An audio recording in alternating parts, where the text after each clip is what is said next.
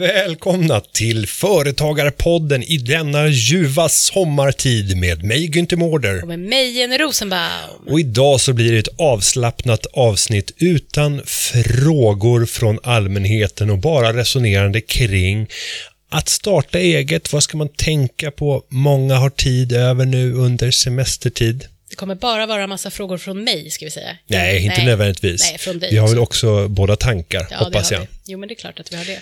Nej, men det här är ju en speciell tid på året och många har tid att reflektera eftersom man har varit iväg från sitt arbete kanske under lång tid eller har haft en paus i sitt företagande. Sverige går på sparlåga. Vissa företagare har ju den mest intensiva perioden just nu. Alla de som har business kopplade till sommarsemestern. Och sen är det väl, turismnäringen, ja, och sen är det väl hotell, många restaurang. företagare som har svårt att ta, eh, ta sig semester också på det sättet, utan man måste alltid jobba lite. Det där är eh, väldigt vanligt och det går ju inte att släppa eh, överhuvudtaget. Alltså, det går inte som företagare eller som chef för i en anställning att helt släppa jobbet för du bär alltid ansvaret.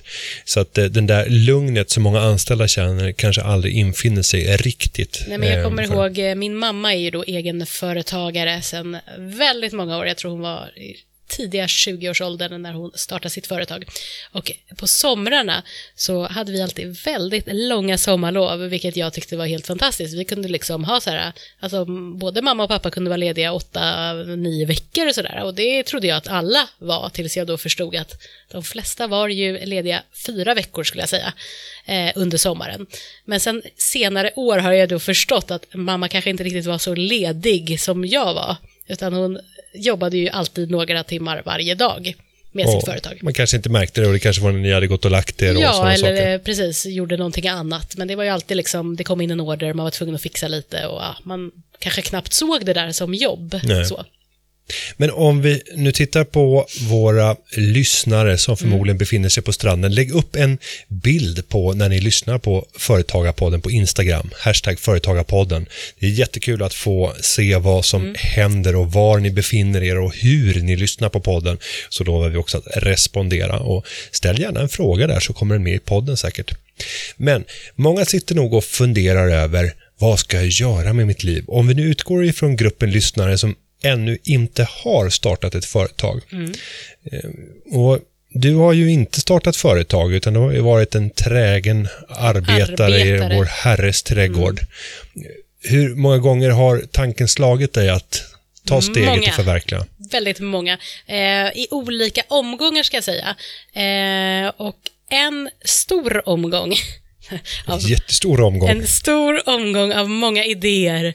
Den omgången kom när jag bodde utomlands. Och det tror jag har att göra med att jag lite var tvungen. Alltså det var eh, svårt att arbeta som eh, svensk jurist utomlands.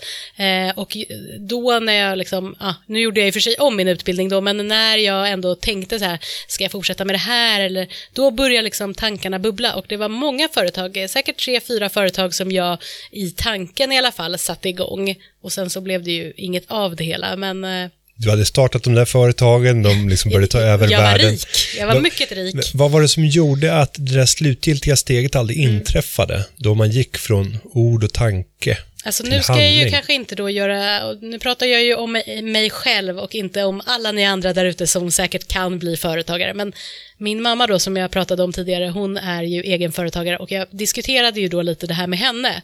Eh, hur tycker du jag ska göra, om jag ska bo kvar utomlands, ska jag starta? Och hon var väl så här, alltså du måste nog ta det både en och två funderare hur svårt det faktiskt är. Nu är inte det här någon vidare reklam då för kanske att bara så här lätt är det att starta företag. Men hon sa att man är aldrig ledig, aldrig. Eh, och man eh, eh, måste alltid tänka på det här företaget. Och då så ställde jag frågan, kommer jag ihåg, men, men du är ju företagare. Ja, men jag skulle aldrig kunna vara anställd.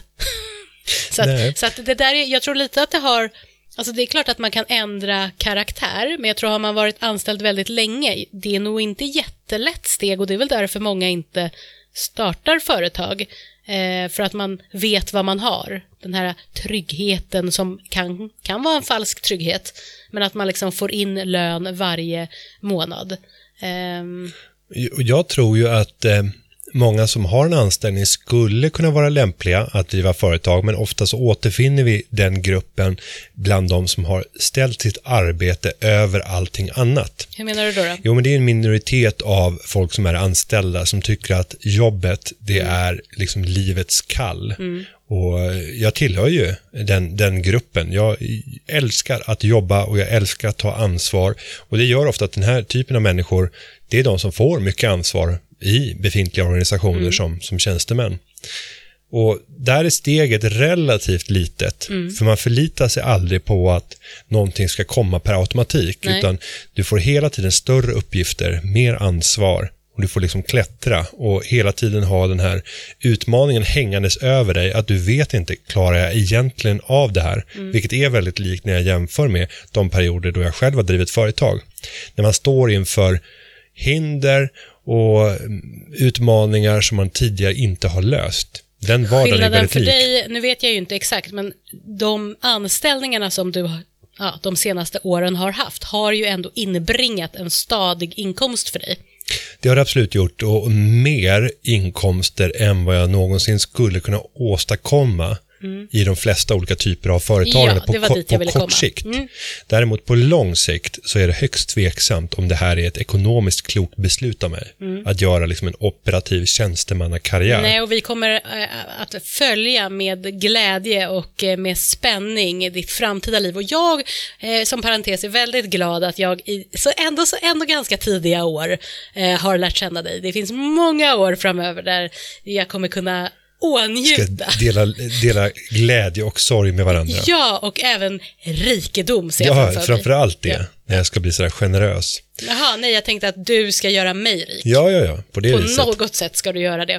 Eh, nej, men då, och då gäller det också att ha en annan inställning till risk. Mm. Ja. Och jag tror att eh, en del i att faktiskt våga ta steget till att bli egen, det är att känna att man har de privatekonomiska förutsättningarna för att kunna misslyckas. Mm. De flesta människor i Sverige har inte pengar så att man skulle klara sig ett halvår utan att få Nej. någon inkomst. Och då begränsar det naturligtvis ett möjligt företagande. Mm. För du kommer alltid känna den där kniven mot strupen. Och särskilt om du har kommit en bit in i, i, i livet och det är andra som är beroende av att du får in pengar. Till exempel en familj, Ja. barn. Det Men där- vad tycker du att, alltså ett cashflow, liksom, nej men vad ska man ha, om vi säger då att man inte har familj, vad skulle, versus att man har familj, vad skulle du säga? För det är alltid så här, det är också det här tror jag, nu bara tänker jag som mig själv, men man vill ju veta. Så här, nu säger du eh, ett halvår ska man kunna, då är jag ju direkt i mitt huvud så här, okej, Hur mycket pengar hur mycket pengar är det? Ett halvår? För att om det är ett halvår, fine, det är en sak. Men det kanske inte tar ett halvår, det kanske tar ännu längre tid. Hur mycket ska man ha för att liksom kunna klara sig?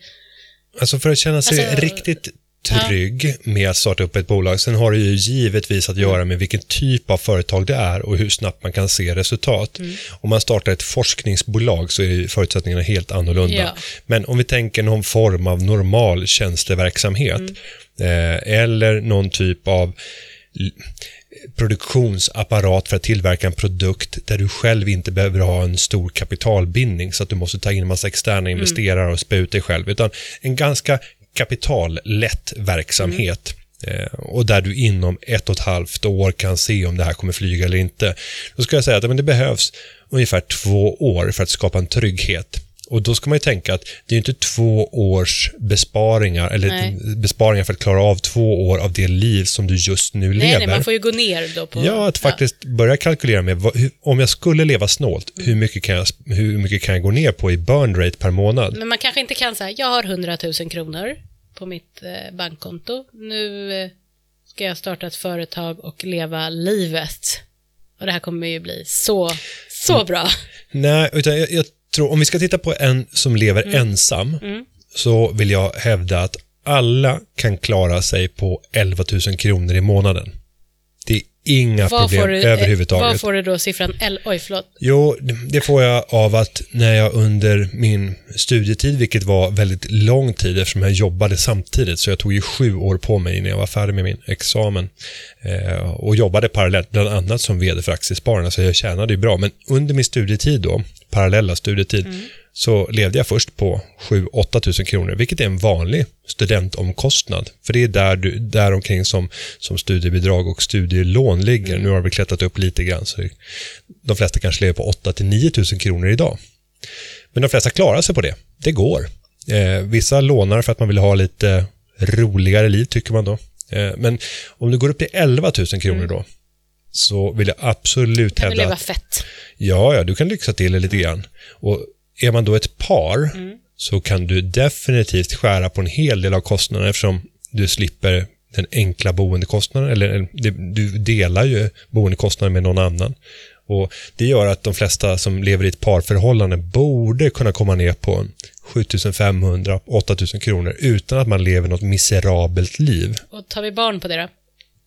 Ja, vad kan barn ligga på? Jag tittar på mig själv. Nu, nu ligger vi på 22 000 kronor i levnadsomkostnader. Vi har ju tre barn, vi bor i ett stort hus, vi har två bilar.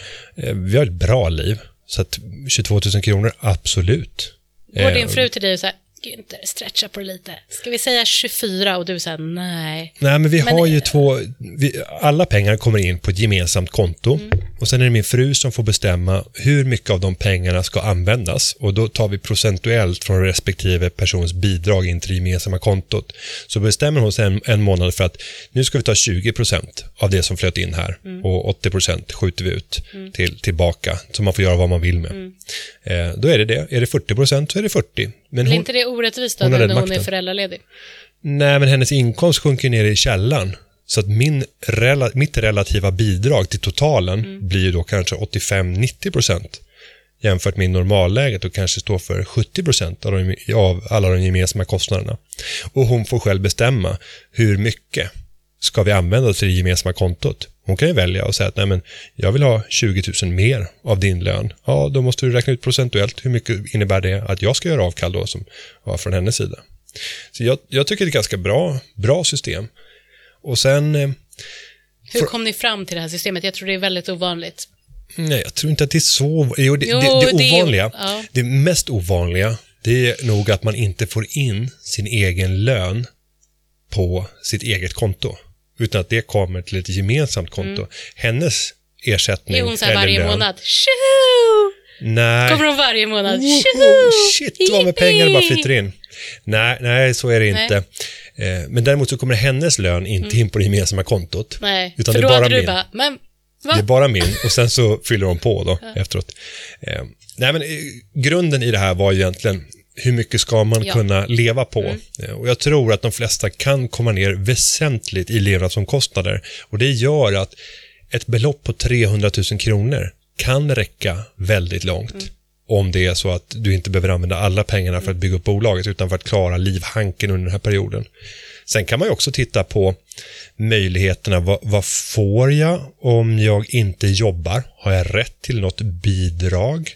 Alltså det, jag skulle ju gärna se att man kunde använda, och det här har Miljöpartiet, jag, kanske någon mer som har varit inne på det, men att kunna se motsvarande studiebidrag, fast som ett starta eget-bidrag, där alla har rätt att kunna plocka ut 12 månader med x kronor i ersättning om man inte använt det för studier.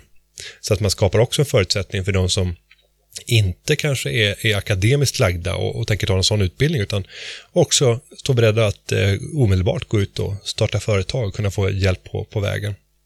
Mm. Gillar du idén? Ja, jag gillar idén. Alltså det jag tänker på är att när jag bodde utomlands då i Israel, ehm, då var det lärare. Det var då att lärare var nog väldigt jobbigt att vara helt enkelt. Eller, det är ju ett tungt yrke. Hur är statusen på lärare? Nej, Nej, inte, inte statusen utan alltså... nej, men hur, hur är statusen, hur är där statusen? jämfört med Ja. här? Jo, men det är väl eh, likvärdigt skulle jag säga så. Likvärdigt dåligt, för i Sverige har ju statusen Ja. sjunkit. Nu börjar den nog stiga lite grann. Mm. Nej, men jag skulle väl inte säga att det är jättebra där heller. Fast det beror ju på, är du, alltså, är du på universitetet eller är du lågstadielärare? Alltså det är klart att Jo, det men du ska jämföra relativt, så är det även i Sverige. Ja. Du ska jämföra en förskolepedagog med Jag skulle en säga att lektor. statusen i Israel är högre, skulle jag säga rent generellt tror jag, att vara professor än att vara professor här. Känns så i alla fall. Men, men strunt samma. Det här var eh, inte professorer utan det här var eh, lärare i grundskolan tror jag. I alla fall, var sjunde år, då får man ett friår. Alla lärare får ett friår. Ja, var sjunde år. Och då får man, eh, men man får lön helt enkelt från, eh, från sin... Gött. Ja, eh, för att kunna vidareutveckla dig. Och du får göra i princip vad du vill. Jaha. Är inte det, alltså om det fanns ekonomiska möjligheter, att du får, det var väl, vem, vilket parti var det Miljöpartiet som pratade om ett friår? Det fanns ju ett friår, något förslag på det, jag vet inte om det... Jo, men det, det kan nog stämma. Ja. De, de brukar vilja att man ska jobba så lite som möjligt. Ja, de brukar men det här var ju alltså Även att man vänster. kunde göra allt från en keramikkurs till att dyka till att, men vilken möjlighet ändå att, då hade du ju kunnat, alltså du hade, det hade främjat att kunna starta företag. Ja, och det, där har ju jag min lösning Ja. Mm. i den svenska modellen som jag hoppas kan slå rot. Och Jag har nämnt det i podden tidigare, men att skapa vad jag kallar ett yrkeslivskonto. Mm. Där du under din karriär kan växla lön mot att göra insättningar på ditt yrkeslivskonto. Mm. Och istället, låt oss säga att du är välavlönad tjänsteman och betalar statlig inkomstskatt. Så säger du nej till de sista 5 000 kronorna som du betalar statlig inkomstskatt på och istället för att få ut 2500 kronor av dem så stoppar du in 5 000 på yrkeslivskontot som du när som helst under karriären kan trycka på startknappen för, för att kunna få det som utbetalningar. Som en typ av starta eget buffert eller som en buffert för att kunna vidareutbilda dig och kunna använda pengarna obeskattat om du köper utbildning. Alltså hur kommer du på alla de här sakerna, eller har du läst det här någon annanstans? För att Nej. din hjärna, alltså jag blir förundrad nästan i varje avsnitt, men, men jag tycker att det är mycket intressant hur din hjärna fungerar. Ja, eh, Alltså hur har du ens tid att tänka på alla dessa saker? Det är bara liksom sprutar. Det- Ja, det gäller att leta, vara lösningsorienterad. Hela tiden leta efter hur kan man göra saker och ting annorlunda? Hur kan man utveckla? Hur kan man hitta lösningar på? Ja, men det är nog ett, ett konstigt drag. Och det där är ju ett, ett problem här på kontoret också, när man bubblar för mycket av idéer. Eh, Folk vet inte vad de ska ta på allvar och Nej. bara, vänta, skulle vi göra någonting åt det där han sa nu? Och sen så nej, men har jag de börjat. Nej, och jag så här, ärlig. vadå? En femtedel är ju briljanta Ja. av idéerna. Men, men fyra femtedelar är inte det. Nej, Mm. din ödmjukhet. Eh, men om Undrar om, om när, det kommer säkert komma, jag utvecklas ju så mycket här, men när jag kommer kalla mig själv briljant, för du gjorde ju precis det om dig själv. ja, en femtedel briljant, Ja. fyra Jo, femtedelar. jo, men det var ändå så här, det kom ju ändå att en femtedel av det du säger, det är briljant. Och då ställer jag frågan till mig själv när jag kommer att klappa mig själv på axeln och säga, Jenny, det där du, var briljant. du är briljant. Ja, men, men tänk dig om du skulle sätta det i din kontext, Ja. då är det så här rådgivningssamtal. Det Ja. ringer fem samtal en förmiddag, för lite för lite mängd, vi ser på en timme. Ja. Du är riktigt effektiv, fem stycken på en timme. Och sen när du avslutar den timmen, går och tar kaffe, så är det så här, tre av de här fem samtalen var riktigt jävla dåliga. Det var helt värdelösa. Jag var så dålig så att det, var, det uppringade, alltså, det var en ren förlust för de medlemmar som ringde in. Ja. En femtedel var helt okej. En femtedel var briljant. Alltså, du hade inte känt dig så himla lyckad när du gick och tog kaffen, även om ordet Nej. briljant förekom i presentationen av din leverans. Men då hade jag ändå levererat, liksom, det var de facto svar som medlemmar hade fått och jag hade mått lite dåligt om några var riktigt dåliga. Du pratar ju om bara idéer, vilket gör att de här andra idéerna, det blev ju liksom inget av det. Men det som det blev av någonting av, det var briljant. Ja, och jag ska säga så här att samhället hade mått bra av att det fanns ungefär den fördelningen av framgångar. Att en femtedel av alla människor i Sverige som startade företag, det blev briljant. Det blev liksom fantastiska företagsframgångar. En femtedel blev äh, varken till eller från. Det blev ett företag, det rullar och går, inte mycket mer. Tre av fem, ja, det blev värdelöst. För jag tror att det som... Det hade varit, bä- jag ska Ja. säga, det hade varit bättre än att vi hade haft fem av fem som blev, ja, det, det blev ett företag, det, det knallar och går. Men det hade inte utvecklat svensk ekonomi. utan vi behöver de där, det behövs den där Zlatan. Det behövs det. Men alltså jag, ja, och jag ser ju också den här skillnaden man pratar om, och just det här att knyta an då till det vi pratar om, att starta företag. Att jag tror att det är ganska vanligt att många av er där ute är som jag, att man kanske, ja, man tänker så här, jo men det där var väl, man vet ju att men det där var ju rätt bra, men man kanske inte ger sig credden istället för att bara ja, jag kanske inte är grym på allting, men just det här som jag gör, det är fasiken briljant. Och det ska jag vara väldigt stolt över. Och jag klarar det här, alltså peppa sig själv istället för att vara så här, nej men, eh, alltså visst jag är ju rätt bra på just det här, men det andra, det kommer ju skita sig, för jag är inte, jag är, jag är inte jättevass på de här delarna liksom. Men det här blir en ganska snygg brygga över Mm. till att nu har vi tittat på det finansiella. Vi har sagt att de flesta klarar att leva på mindre kassaflöden eller behöver mindre kassaflöden för att klara livhanken än vad man tror. Eh, sen handlar det om att förstå var är det jag är briljant? Mm. Titta på ditt nuvarande jobb om du uppbär en anställning. Mm. Fundera över vad är det för värde jag tillför? Alltså han tittar ju mig rakt i ögonen så att jag blir så här stressad och börjar vad titta bort. jag? Nej, jag börjar titta bort lite också och så här, vänta, ifrågasätter han min anställning? Är det nu vi har det här snacket att så här, hur ska... kan någon stänga av den där bandspelaren? Ja, så här, hur ska du gå vidare och vad.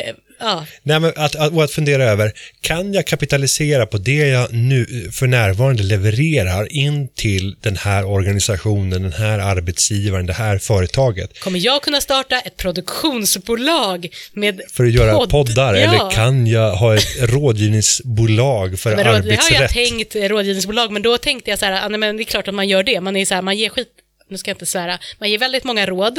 Eh, det är väldigt bra, hög liksom eh, ingång på de här samtalen. Det är klart man har tanken att så här, tänk om jag skulle ha ett företag och ta betalt för alla dessa personer. Briljanta råd Ja, mina briljanta råd, att man tar betalt per råd också. Alltså det finns ju, man Ja. kan ju spåna om det här mycket. Du ger råden gratis, du tar bara Nej. betalt i uppsida. Nej, jag, jag tar 10% av jag börjar vinsten. ta, precis, jag börjar ta, istället, precis nu ger jag ju råd gratis till alla medlemmar. Eller Mm. gratis, det ingår ju i medlemsavgiften, men, men det blir ju väldigt, väldigt förmånligt. Om jag börjar tänka som en advokatbyrå, att jag tar liksom betalt per samtal. Förstår du hur mycket jag kan tjäna? Och så börjar man liksom spinna på det här. Men, och då kommer jag ju på att vart ska jag få alla dessa vart, hur, ska, hur ska dessa människor som vill ha mina briljanta råd, hur ska de hitta till mig? Och varför ska de betala just mig? Och När du- de kan vara med i Företagarna. Ja, och du har ju exempel. Mm. egentligen en lysande möjlighet. Till dig har givits alla möjligheter på jorden. Men med en bättre frå- stämma, med en bättre röst, med en, med en liksom sektaktig röst.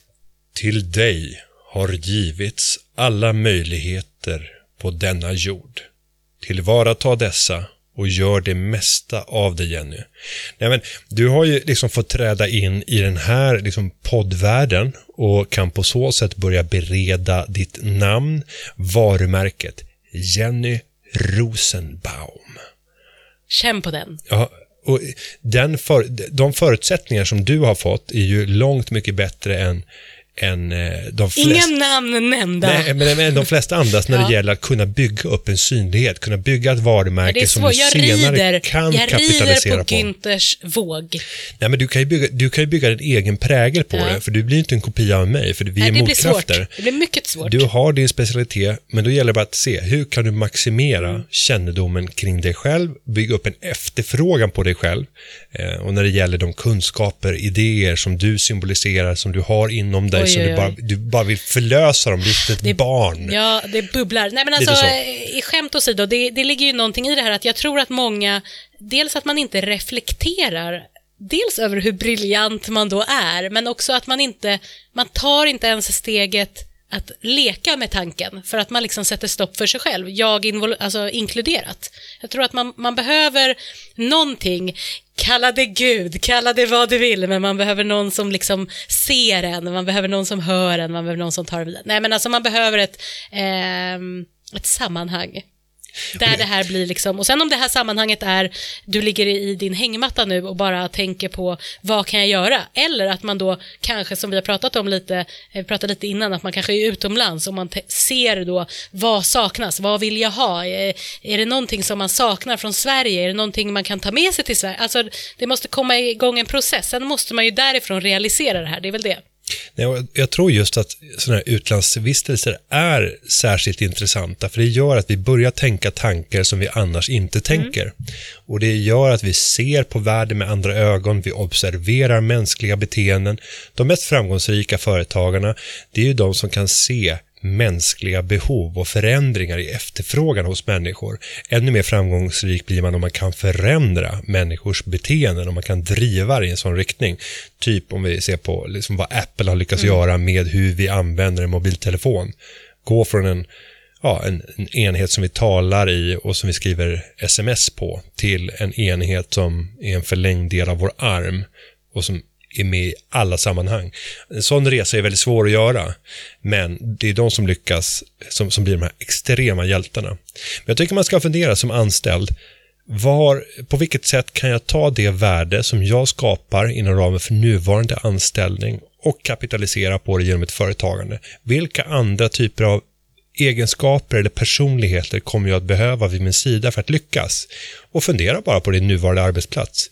Om jag skulle få ta med mig två eller tre personer till för att bygga ett dream team och inte bara för att ni ska ha roligt på luncherna utan för att ni ska prestera på topp, ni ska komplettera varandra. vilka skulle de vara? Eh, bra tips Sara. Eh, starta en konkurrerande verksamhet. Ta med dig några i personalen. Ja, det brukar ofta vara väldigt effektivt. Eh, ja, inte kanske ur ett arbetsrättsligt perspektiv, men... Nej, fast det är oftast rätt svagt. Mm. Kan... Men får jag fråga dig, eh, för nu bara kom jag på någonting här när vi eh, pratade. Det är ju kanske inte alltid svart och vitt, alltså det här med att nu pratar vi så här, du kanske är anställd, du funderar på att starta eget, men vad tycker du då om det här att man faktiskt startar någonting fast man, ja, alltså nu pratar jag inte om konkurrerande verksamhet där jag tar alla mm. företagarnas medlemmar och bara vid sidan om, hmm, eh, jag kan ge dig lite extra råd. Inte så kanske då, utan jag pratar faktiskt om att man har fått tillåtelse att starta ett företag och det är väl många här på Företagarna, tror jag i alla fall, som faktiskt har företag vid sidan om också.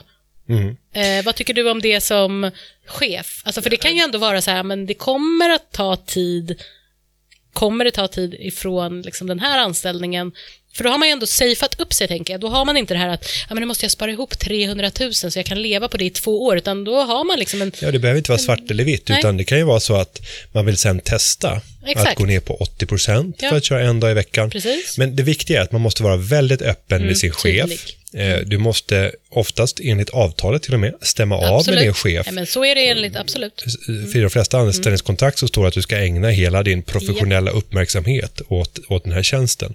Ja, alltså om det är, framförallt om det är, vilket det ofta kan vara, konkurrerande verksamhet, då måste man ju alltid självfallet eh, prata om det. Sen kan det ju vara att om du jobbar som, eh, det blir ett lite arbetsrätt, men om, om du jobbar eh, heltid här på kontoret och sen så känner jag att nej men jag får inte ihop det liksom, jag måste jobba på lördag, söndag också på, på ICA. Det behöver jag inte fråga dig om. Ja, kanske. men nu, då, då är det ju en anställning till. Mm. Eh, men om vi skulle säga att du startar upp som fri, mm. en fri åkare och kör mm. taxi. Ja, eh, om jag ska göra det på ja. arbetstid. Men... Nej, men det, det, är uppenbart att nej, det kan du inte göra på arbetstid för då är du inte här nej. och levererar. Eh, men sen är det ju många andra, om vi tänker kanske en, en digital business, där jag tänker e-handel. Ja där du kan sitta och administrera samtidigt. Nej, det är inte bra. Eh, men då kan det vara så här att ja, men personen är på kontoret 12 timmar varje dag mm. och sitter och administrerar även sitt privata bolag. Så där krävs det väldigt mycket av chefskapet och också väldigt mycket av personen när det gäller graden av öppenhet och mm. kunna säga att jag kommer vara här jättemycket. Jag kommer att ha den här grejen vid sidan av. Jag kommer att ägna minst åtta timmar och det, det blir svårare ju högre tjänst man har där det inte finns någon övertidsersättning och där det finns en förväntan om att det är inte några 37,5 timmar som det står i avtalet. Eh, menar, för mig så skulle ju vardagen haverera om jag började titta i mitt avtal och sa att det var 37,5 timme. Det, det hade varit helt otänkbart. Eh, utan då gäller det bara att titta på leveransen. Kan vi ställa upp leveranskrav och se att ja, men du lever upp och mm. faktiskt överpresterar dina, dina förväntningar? Jag vet inte om jag fick svar på frågan. Skulle du, hur ställer du dig till det här som chef? Är det någonting som... Nej, jag, jag, jag, tänker där ute, liksom, att om man vill starta ett företag men kanske inte vågar då ta hela steget och säga upp sig från sin säkra anställning utan man kanske vill testa lite. Se ja, men jag, jag, är positiv och särskilt positiv i det nuvarande jobbet som jag har idag för att vi, för oss handlar det om att vi ska ju serva företagare. Mm. Om någon skulle vilja starta bolag för att testa sina vingar och även kanske gå ner i arbetstid för att en dag i veckan Ja, så länge det inte skulle ställa till väldigt stora problem för oss för att vi ser att vi klarar oss inte på en 80-procentig mm. person så att vi står och faller med mm. våra uppgifter så skulle jag se positivt på det för det ökar förståelsen för den målgrupp som vi är satt mm. att serva. Men öppenheten är väldigt viktig. Jag, jag engagerade mig och startade upp ett bolag som sen drivs av två andra eh, precis innan jag började här. Och jag var väldigt öppen i rekryteringsprocessen att jag har det här. Och det är en utbildningsbusiness. Eh, den primära målgruppen är offentlig sektor och mellanchefer i stora organisationer. Så det är inte konkurrerande, vi har inte företagare som målgrupp. Men det är klart att vissa av våra kurser skulle vara väldigt liksom, intressanta för företagare. Jag tror att en kurs, ekonomi för icke-ekonomer, Oh. Ja, det skulle kunna vara en lysande kurs för, för många företagare att gå på. Men eh, jag är väldigt försiktig med att överhuvudtaget liksom blanda in, det ska vara arm, Vi gör inte reklam för det, bara i podden. Nej, och, och det är därför jag aldrig säger vad Mm. det heter. Du kan inte ens gå in och söka på vad det heter. Och jag kan ge tips att går du in och söker på allabolag.se så kommer du ändå inte hitta varumärket. Oj. För att det heter Hemligt. någonting annat. Säg vad det heter då. Ja, bolaget heter Kunskapsgruppen GM. Kunskapsgruppen GM. Ja. Nu hörde vi det. Ja. Kunskapsgruppen GM. Och det är ju bara bolagsnamnet. Sen, det är inte det som är varumärket. Vi jobbar under ett helt Jag annat tror du skulle säga varumärke. kunskaps-tv, så tänkte jag, nej, men det är ju inte ditt. Nej. Nej. Så att eh, där kan ni gå in och Mm. snoka och kanske, nej, vårt, boks, vårt första bokslut kommer inte förrän om några veckor, kanske i slutet av augusti. Och då kommer vi ha slagit till världen med häpnad efter vårt första år. Mm. Eh, de gör ett riktigt bra jobb. Eh, det är fyra, fyra stycken medarbetare som jobbar i bolaget Blir idag. du rikare på det?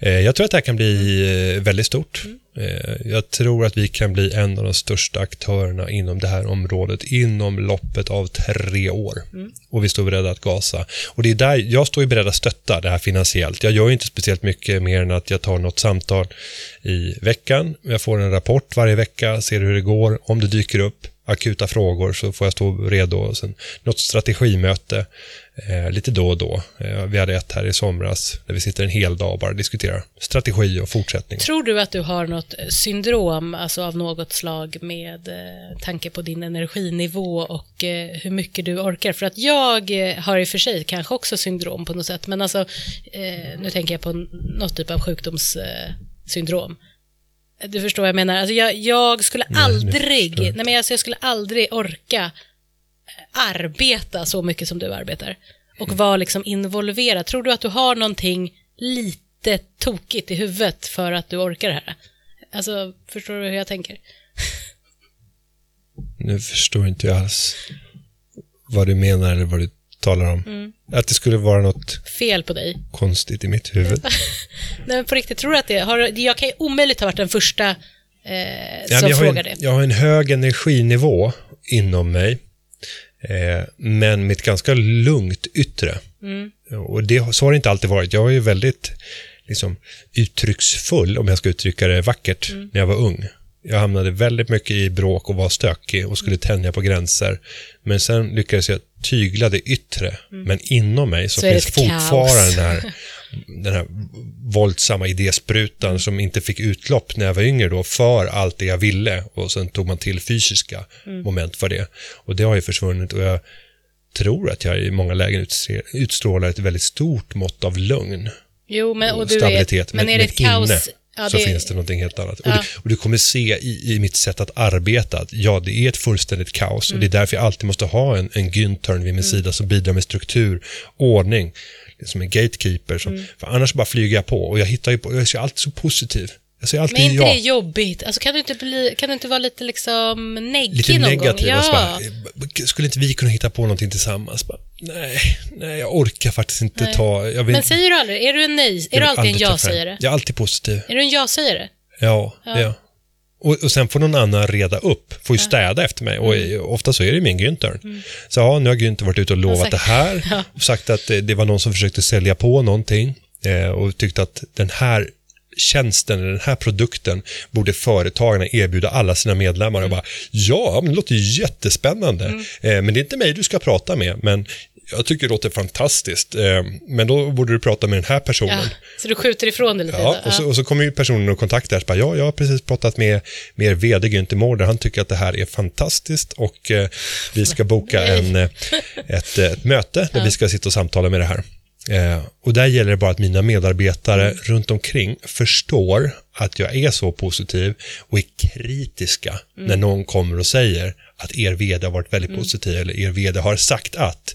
Dubbelkolla alltid det. Gå tillbaka, för då kan jag i... Lita inte på honom. Nej, men när personen inte är där, då kan man säga, nej, nej, nej, ja, men jag ville bara vara trevlig. Jag, jag behövde avbryta det där samtalet, vi hade stått i en halvtimme och hade bara försökt Nej, jag vet inte vad du snackar om. Jag har inte Eh, lovat något. Jag, jag tror inte det där är Nej. intressant alls. Eh, och, och det är fel, eh, för alla er där som sitter och funderar på så här, nästa gång jag träffar Günther, då ska jag presentera mitt case här så att jag kanske kan komma in och få bli en förmånspartner till företagen, komma ut till 70 000 Mm. medlemmar. Det här blir mitt break. Då är det så här, jag är fel person att tala med. Hitta rätt person Ja. direkt istället för att gå till vd. För vd säger ja till allt och sen säger han Sen nej. kommer inte hända nej, sen händer någonting. ingenting. Han är mycket, Utan det är- han lovar och lovar och Det är lovar. mycket bättre att gå direkt till den strukturerade källan och då kan det vara den som är ansvarig för partnersamarbeten. Eh, Gå direkt till den personen. Så jag kan egentligen gå till dig nu efter att vi har avslutat inspelning här och bara du, min lön. Tycker du inte att jag är det är värd? klart att du är värd... Du är värd Jag är briljant. Du- är jag inte värd betydligt allt, mycket mer? allt guld i varenda jag gruva. kommer med, ja, precis, jag kommer med Häl, världens idé. hälsa din chef det. Du, du är Eh, fantastisk. Och sen så kommer, nej, det där har Det är jag aldrig briljant. sagt. Ja. Nej, nej, nej, nej, nej, Jenny. Ja, Nej. jo, men det var bara så jag sa i podden. ja, det är bara snack. Eh, Men Ja. då har vi gått vidare, vi har tittat lite grann Ja. på hur man ordnar sin privatekonomi, vi börjar analysera på jobbet, vilka skulle jag plocka med mig? Mm. Sen alltså det där tycker jag är, det där får stå för dig. Alltså Nej, plocka nej, med jo, sig, det känns Det liksom... handlar, inte om, det handlar inte om att du fysiskt ska plocka med dem, Nej, utan det är det handlar tanken. snarare om tanken, Okej, att förstå ja. vilka typer av människor. Nej, och för det är mycket annars är det lättare. väldigt så att du kan få, det, det, det, det finns lite Jo, men- Jo, skadeståndsaspekter jo, men. Mm. men människor har oftast väldigt svårt för att sätta ord Mm. på vad man egentligen vill ha. Men om man kan beskriva det i form av någonting fysiskt så är det lättare. Men det där är intressant att du säger också, för det kan ju faktiskt vara så, tror jag, att man är så här, nu ska jag starta företag och visst, det är jättebra att starta med eh, kanske sin bästa polare, men då ska man väl göra det av rätt anledning, inte för att man är bästa polare, utan för att den bästa polaren kommer man att kunna samarbeta mycket bra med och man kommer kunna bidra med olika saker till det här nya företagandet. För det kan vara farligt tror jag att bara ta någon man känner för sakens skull. Det, det är jättedumt, Mm. tror jag, i grunden att, att starta med, med polare. Det kan vara hur roligt som helst, men i, långsiktigt så, nej, jag Mm. tror inte på det. Utan snarare sådana som man tycker är sköna, men ja, man känner inte att man har något stort behov av att umgås privat, Mm. men vi tycker det är jäkligt kul att jobba tillsammans. Men just när man går över till den privata sfären så tror jag att det är bra att ha en skiljelinje däremellan. Men just att kunna sätta ord på vilka är de här egenskaperna som den här personen som jag skulle vilja ta med mig besitter. Man måste ha ganska god självkännedom då också. Därför att man kanske behöver gå i terapi innan. Nej, men för att man måste också veta vad man själv kan bidra med. Och som du nu sa här att ja, men jag är inte så bra eh, på de här liksom, eh, ordningsamma bitarna och jag behöver någon som styr upp mig lite och därför har jag faktiskt en Güntern. Alltså man behöver veta eh, lite så vad man själv behöver så att man kan eftersöka någonting annat. Och för att ta reda på det så kan man ju dels prata med sina vänner och sina kollegor, sin familj, för att försöka få dem att berätta. Gärna sådana man litar upp- på. ja, vem uppfattar du är fantastisk, du är briljant. Fråga mamma, liksom. Så sätter det med mamma. Så bara, du har alltid varit så fin. Ja. Så jag skriver alltid så fin. Du har Ja. alltid varit så himla duktig. Alltid så Och, sen så duktig. här, och du är snäll, du har ett hjärta av guld. Ja, du är så himla, oavsett vad som händer, du är den finaste på, jorden- finaste på jorden, skriver jag. Eh, fråga inte mamma. Nej, Eh, Men däremot så tycker jag också att du kan göra personlighetstester. Det finns ju mängder av så här gratis personlighetstester. Det mest begagnade är väl att, att eh, testa sin diskprofil. D-I-S... eh, Ja, nu säger jag bort med det. Diskprofil, men det är med C. Ja, strunt samma. Sök bara på diskprofil. Google kommer rätta dig. Eh, Men där du kan se utifrån en färg, vilken färgtyp av de just det. fyra människotyperna är du. är du röd eller blå eller grön? Ja, och där man mäter det, bara, är du en, en logiker Mm. som söker stöd ur siffror och analytiskt lagd, eller är du den visionära drömmaren, eller är du den som fokuserar på det mänskliga, eller är du den där som vill få allting gjort och kunna Mm. ha checklistor och bara dunka av grejer och handlingskraften? Kraftig. Och drömmen det är ju när man kan skapa ett team som täcker in de här fyra personlighetstyperna så att man blir ett bra team. Och sen räcker det inte med att man är ett team, sen måste ju alla få blomstra inom sitt fält utifrån liksom givna funktioner och att man kan ge de ramarna till varandra. Och det är först när man vet hur gruppen faktiskt ser ut och funkar så man kan börja trimma och förstå vem är det som ska stå i mål? Vem är den bästa mittfältaren? Vem är anfallaren? Vem är backen? Och det är först när hela laget spelar som ett lag som man kommer vinna matchen. Oh, det är vackert.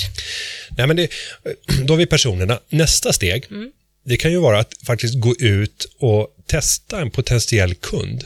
Och jag har hört många framgångsrika företagare som har börjat med att lova utan att ha någonting att leverera. Utan så här, hypotetiskt går ut och börjar locka i ett samtal och säga att om jag kunde leverera det här och det här och det här, skulle det vara intressant för er?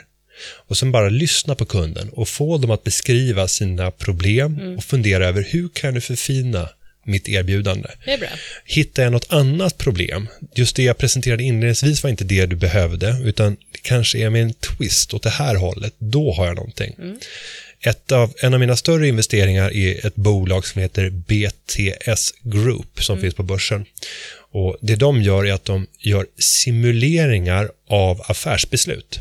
Så att de bygger upp, kan man säga, ett dataspel, om vi ska prata lite mer billigt, där du kan testa vad skulle hända om företagarna organiserade om från att ha ett rikskontor centralt i Stockholm till att dela det i fyra delar och ha fyra stycken hubbar. Smart. Och då tittar de på data för andra organisationer, andra företag som har gjort motsvarande förändringar och ser vad händer med produktiviteten inledningsvis, vad händer efter, efter sex månader, vilka är de kritiska momenten, har det fallit väl ut? Och så kan man simulera och testa olika typer av affärsbeslut och så låter man ledningen få spela de här spelen för att komma fram till det statistiskt rätta valet när det gäller exekvering på strategin. Och när de sålde in det här så träffade de den store Hans Werthén, stora Electrolux-kungen på sin tid och började lova saker som de inte kunde leverera. Henrik Ekelund heter han som, som startade firman. Och sen fick de Werthén på kroken och bara, ja, vi kör. Och då fick de ju panik och visste inte vad de skulle göra. Nej, Men då var det bara, eh, nu måste vi leverera. Eh, kanske dags att starta ett bolag, ja. vi kanske ska leverera. Men de hade inte ens startat Nej, ett nej jag bolag. tror inte det. Nej. Utan de bara testade. Och sen så insåg de att det här, vi är på någonting. Och så skapades bolaget och, och idag är det fantastiskt framgångsrikt och finns över hela världen. Jobbar bara med de största företagen i hela världen. Coolt. Så att det, det börjar oftast i det där lilla, att lyssna på kunden, våga lova någonting som du inte kan leverera för att sen kunna komma tillbaka. Sen får man inte göra besviken, men eh, i så fall måste man vara tydlig med att ja, jag ska se vad jag kan göra och återkomma. Men det är väldigt bra för att då kan du få en testkund att jobba mot och det är mycket bättre att ha ha en målbild för vad är det jag ska leverera inom en viss tidsrymd istället för att börja utveckla någonting som man tror att marknaden kommer att efterfråga för att sen under dunder och brak tycker man lansera det och så händer ingenting. Du måste alltid börja i kunden. Det är kunden som kommer bestämma om du kommer att överleva. Och då är det kunden du måste, kunden ska styra din affärsutveckling. Annars så kommer du aldrig kunna bli framgångsrik. Mm. Ja, men du har sagt det där förut, det är faktiskt en väldigt bra tanke, att man går till kunden istället för att säga att nej men så här tycker jag att det ska vara och jag tror att det här kommer funka, men det är ju i slutändan kunden som ska betala, så då är det ju kunden som bestämmer. Och, och vad är det första folk gör när man tänker så här, jag ska starta eget företag? Jo, då börjar man så här fila på företagsnamn. Nej, men jag tänkte säga det, loggan, vilken färg ska jag använda? och sen så är det så här, jag måste ha visitkort, jag måste Men det är boka mer att man min tänker i huvudet domän. säkert. Ja, precis. Och så, och så börjar man, jag ska göra en affärsplan här och jag ska, in, jag ska hitta ett kontor och sen ska jag inreda det kontoret. Affärsplan, kontor, visitkort. Gå ut, träffa potentiella kunder, försök få dem att forma businessen. Sen kan du gå tillbaka och lösa alla de där sakerna. Det är bara liksom praktiska saker för att kunna leverera i slutändan. Ja, just det, vi måste ha ett företagsnamn också. Jaha, vi måste ha en logg. Ja, men ta vad fan som helst. Ja, Kör på. Det viktiga erbjudandet till kunden. Du måste tillföra ett värde som överstiger den kostnaden som kunden ska betala för dig. Och när man har kommit så långt, ja, då gäller det ju bara att faktiskt kavla upp ärmarna och, och försöka. Hova in slantarna. Ja, det är ju väldigt sällan så, utan det tar ju oftast rätt lång tid innan, det det? innan det tar fart. eh, men då är det ju det, kan du hitta en successiv övergång? Kan du upprätthålla en viss del av den trygga anställningen som du har idag? Ja, men jag, jag tror på den. Jag tycker att den verkar... Sen förstår jag också att många säger så här, ja, fast när det väl är liksom, då måste man helhjärtat, man måste liksom in med alla, man har inte tiden att kanske sitta och harva på någon anställning. Men jag tror att det ändå kan vara en lösning för vissa. För Ja. sån som jag så skulle det nog vara en lösning, för att jag skulle nog aldrig kunna bara slänga mig ut i någonting med den personligheten jag har. Men det är olika för alla. Och det, det som nästan Jag vet alla... inte vilken färg jag är då, men det får jag göra något sånt där test på. Ja, nej, och det, det nästan alla säger som har startat upp framgångsrika företag så här i efterhand, det är att det tog mycket längre tid Mm. än jag någonsin kunde ana. Inte det som en renovering av någonting, att man säger så här, det tog mycket längre tid och det kostade dubbelt så mycket. Ja, lite på samma tema. Mm. Och det är för att man bygger upp någon form av drömbild, någon illusion om hur det ska gå. Och det där kan ju vara en fördel. Jag vet själv hur frustrerad jag var när jag skulle starta bolag första gången i 18-årsåldern. Och bara de här väntetiderna. Mm. Nu har ju de kortats ner när det gäller myndighetskontakterna. Via verksamt.se, jag ger beröm igen, jättebra Mm. ja, jobbat. den är väldigt bra. Men, men förr i tiden, eh, innan den typen av funktionalitet fanns, innan mobilt bank-id ens eh, var påkommet som namn, så var det ju väldigt mycket brevkorrespondens. Och det var många och långa väntetider överallt. Man skulle ta telefonkontakt. Eh, och det här gjorde ju att man nästan tappade sugen. För att det var vissa moment som man var tvungen att klara av för att kunna ta nästa. Och, och man tappar engagemanget. Och där kan det i sådana lägen vara bra att man har ytterligare sysselsättning under den perioden. Kassaflödena rinner in och man hinner också reflektera på ett annat sätt. Sen när man väl har, har kommit igång så tycker jag att det är viktigt också att fundera över hur kompletterar man upp teamet. Du kommer förmodligen att behöva kapital på något sätt. Du måste nog stå beredd att avstå lön under en ganska lång tid. Det tror jag är en bra förutsättning så att man inte känner sig stressad över att ta första bästa uppdrag. Eh, Det är så lätt att när man ser en potentiell intäkt att man omedelbart säger ja. Men det måste passa in i den långsiktiga strategin. För det tror jag många är så här, att man har, har hört i alla fall, jag har ändå många kompisar som har företag, att när man har företag, man har liksom inte råd att säga nej till någonting. Man bara säger ja till allt. Och, och faran då, det är att man gräver sin egen, egen grav. Om vi tar, eftersom jag kommer från, från byggsektorn ursprungligen, så om man startar upp ett byggbolag så är det ju väldigt lätt att man tar varje förfrågan Ja, ja. och sen så tänker man inte på att jaha, nu skulle jag åka till andra sidan stan, där kommer jag förlora två timmar av debiterbar tid. Det hade inneburit att om jag hade gjort ett jobb i det närområdet Mm. där jag gjorde det förra jobbet så hade jag kunnat gå ner på ett pris som ligger 20-30% under det pris som Just jag det. erbjöd den här. Alltså att räkna på vad är den verkliga kostnaden Mm. räkna in ställtider. Hur, hur effektiv kan din vardag vara? För att det är det som är utmaningen om man är tjänsteföretagare och jobbar med timmar som vapen. Det är det du kan sälja. Då ska du minska de här icke-debiterbara timmarna. Och där gör många fel och ja, prissätter sig felaktigt och har väldigt mycket ställtider där det inte genererar några intäkter. Hellre lägre intäkter, men mycket högre effektivitet i sin vardag. Men om vi knyter ihop säcken lite då? Ja, eh, nej men ta en funderare nu. Nu ligger du och har det skönt, det är sommar. Fundera över de här frågorna. Tala med personer i din närhet som själva har gjort slag i saken och förverkligat sin dröm. Mm. Företagarna, vi finns ju här om du bestämmer dig för att ta steget. Vi har ett erbjudande för alla som är nyföretagare eh, som gör att det är lättare att omedelbart kunna komma in i företagarna, kunna få hjälp av den juridiska rådgivningen och kunna få ett nätverk framför allt och kunna träffa andra företagare och på så sätt snabbt bygga upp ett företagarnätverk. Så att jag tror att de flesta som startar upp ett företag har en väldigt stor nytta av ett medlemskap eftersom man får komma åt så många erfarna företagare. Och våga, alltså fundera över vad är dina drömmar i livet? Du vill inte ligga där på dödsbädden och bara jag kommer ihåg det där avsnittet när jag lyssnade på Jenny och Günther i den där företagarpodden. Jag funderade då på om jag skulle starta men det blev liksom aldrig av. Våga här i livet. Och det handlar, jag har varit inne på det tidigare, om du vill ha en hög avkastning på livet så Risk. handlar det om att våga ta risk. Risk och avkastning går hand i hand. Ja, det är svårt det där, man får jobba, det är någonting man får jobba med. aldrig vinna. Nej. Du kommer aldrig vinna med mindre än att du tar risker i livet. Och Det är för- som eh, trisslotternas eh, Ja, nu ska du inte springa iväg. Bara, det var då jag bestämde mig. Jag tog alla mina besparingar, plockade ut pensionen i förtid och Exakt. köpte trisslotter. Günther sa det. Det behövs lite Nej. risk. Nej, men fundera också på vilka delar i ditt liv är det som har varit de mest fantastiska? Vilken avkastning har det varit? Och många kanske då tänker barn och sådär. Eh, Och givetvis, barn är jättegulliga och och så vidare. Säger trebarnsfadern. Det all say. Mm. Eh, Men jag, jag tänker inte på dem, utan tänk på ditt professionella liv. Tänk på ditt yrkesliv, studier, alltså det du har gjort Mm. Det var inom... när jag tackade ja på BB. Det var då jag fick samtalet. Vill du vara med i podden? Poddarnas podd. Ja, och du, du sa Och- och- ja. Egentligen, Nej, egentligen ville jag säga nej. Eller för att det var så tidigt liksom. Det var ju faktiskt på BB. du var på BB. Jag var på BB Ja. och fick eh, ett sms. Eh, Günther har bestämt att han vill ha med dig som eh, programledare för Företagarpodden. Eh, vad säger du, när kan du börja spela in? Och jag är så här, Du, är inte, ens- det droppar fortfarande blod. Men usch, alltså jag är på BB på riktigt alltså. Och jag är så här, eh, kan vi skjuta på det här lite tills, eh, jag vet inte, amningen har kommit igång? Nej, nej, nej. Nej, det, Han vill köra alltså, nu. Ja, det ska börja precis. Han vill börja nu och jag var så här, jättestressad. Då ringde jag någon, jag kommer inte ens ihåg vem det var, som var så här, nej men Günther han säger, på tal om att du är då en idéspruta, han bara snackar, det kommer ta säkert några veckor tror jag de sa. Eh, varpå jag var så här, nej men eh, jag tror inte att den här chansen kanske kommer igen. Eh, och, och om jag är glad, Eller hur? ja. Avkastningen. Eller? Det var ändå, en, det var ändå någon typ av risk. Ja, men visst är det det.